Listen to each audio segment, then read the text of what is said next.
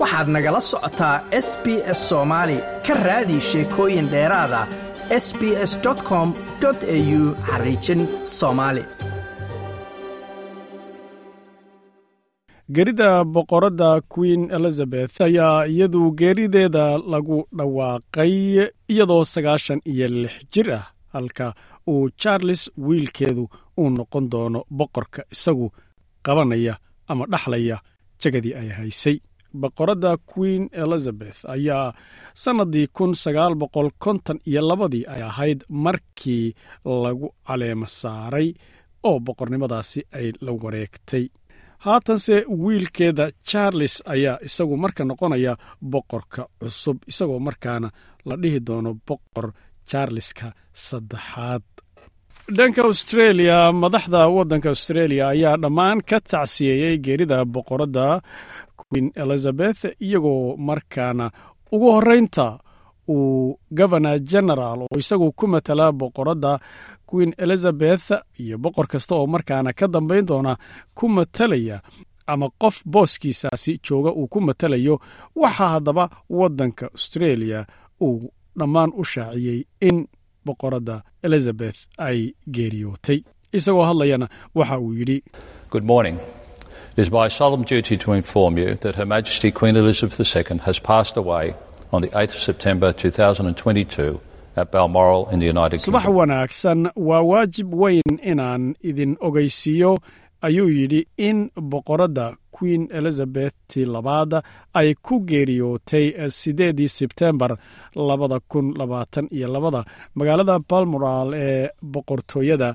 ingiriiska. Dhankiisa ra'iisul wasaare antony albanisi ayaa isagu ka tacsiyeeyey geeridii boqoradda oo ku geeriyootay iyadoo sagaashan iyo lix jira waxayna ku geeriyootay guriga ay deganayd scotland ku yaalla hadalladiisii waxaa ka mid ahaa antony albanisi isagoo markaana xiganaya odhahya mid ka mida odhaahdeedii waxa uu yidhi There is comfort to be found in Her Majesty's own words. Grief is the price we pay for love. This is a loss we feel deeply in Australia. Queen Elizabeth II is the only ku reigning qarsoon hadallada boqoradda mudnaanta leh hadal uu soo xigtayna waxa uu yidhi murugtu waa hantida aan bixinno marka jacaylka aan dhaafsanayno geerida boqoradda buu yidhi waa khasaare si qodo dheer austreeliya gudaheeda looga dareemayo. Boqoradda elizabeth labaad waa shakhsiga boqor ahaan ee badankeen buu yidhi aan garanayno. Waana boqoradda keliya ee britain iyada oo boqortooyada haysa australia soo bouqatay muddo wacan oo toddobaatameeyo sanno ah ayay mudnaanta boqoraddu ay ahayd qof aan iyadoo kale la arag ayuu yidhi antony albanisi kalsooni joogto ahna ku dhex socotay duni si aada buu yidhi isu bedbedelaysay ra'iisul wasaarahu hadalkiisa sii watay ayaa sidoo kale sheegay in boqoradda lagu xasuusan doono nolosheedii sidii daacadnimada lahayd ee ay muddo dheer dadka ugu adeegtay laga soo bilaabo wakhtigii ugu horreeyey ee boqoraddu iyadoo da'yar buu yidhi ay boqoradda noqotay. Ra'iisul wasaaraha ayaa sheegay in boqoradda booqashadeedii ugu horreysay ay austreeliya timid saddexdii februari kun sagaal konton iyo afartii kadib iyada oo muddo kooban markaasi haysay boqortooyada oona loo caleemo saaray. Albanisi ayaa sheegay in dhacdadaasi ay ahayd middii ugu muhiimsanayd ee austreeliya dhexdeeda ka dhacda. Ra'iisul wasaare albanisi iyo governor general david harley ayaa london u wada safraya si ay tacsida iyo dareenka australiyaanka u gudbiyaan ugana qayb galaan duugidda boqoradda. Sidoo kalena waxa ay la kulmayaan boqorka cusub ee isagu boqortooyada ku wareegaya oo boqor charleska saddexaad ah.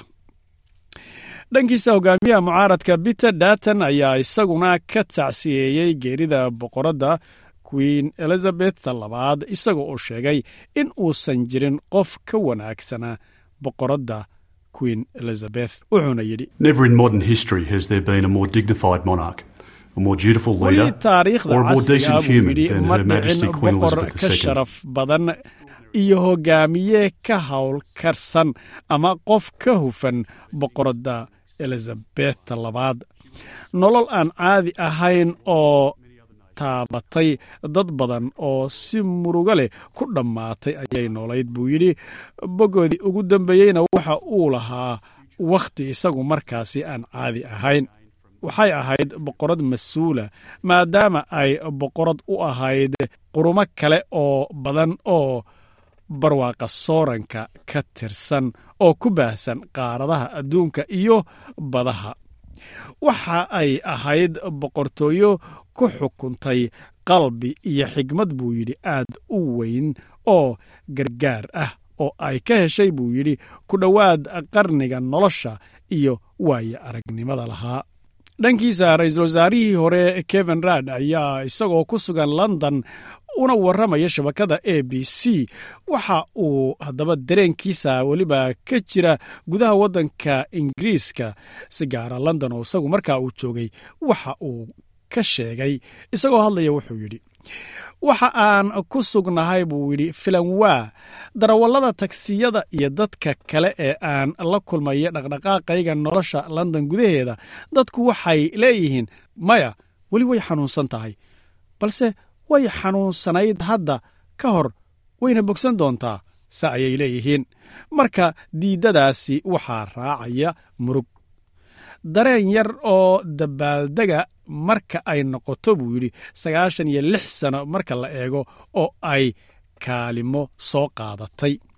Balse waxa ay tahay in aan dhaha buu yidhi waa dareenkaas kulmay ee isdabagalay. Kana mid tahay dareen filanwaa ah iyo murugo iyo dareen guulo sita. Dhankiisa ugu dambayntana governor general david harley ayaa isagu dib mar kale u milicsanaya markan waxa uu xasuustiisa boqoradda ka sheegay amaba uu ku xasuustay isagoo leh. When I reflect on my own memories, and she was my queen for my entire life, I think of Her Majesty's dignity and her compassion, her dedication and her work ethic,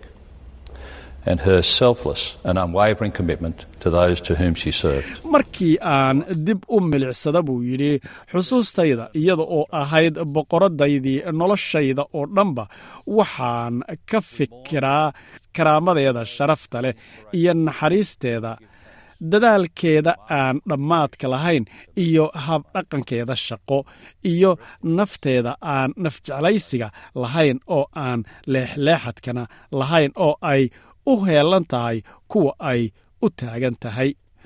Way noo adeegtay ayuu yidhi geerideeda waxa ay murugo gelin doontaa buu yidhi dhammaan dadka astreeliyaanka ah. Waxaana laga dareemi doonaa buu yidhi adduunka oo dhan sida aan u baroorannay. Waana inaan buu yidhi sidoo kale ku dhiirannaa in aan uga mahadcelinnaa waxtarka muuqda ee ay samaysay waxaan boqoradda u rajaynayaa buu yidhi in ay si nabada nafteedu ku nasato. Boqorka cusubna buu yidhi badbaado ayaan u rajaynayaa. Ma doonaysaa sheekooyinkan oo kale? Ka dhegayso apple podcast google podcast spotify ama meel kasta oo aad bodkastigaaga ka hesho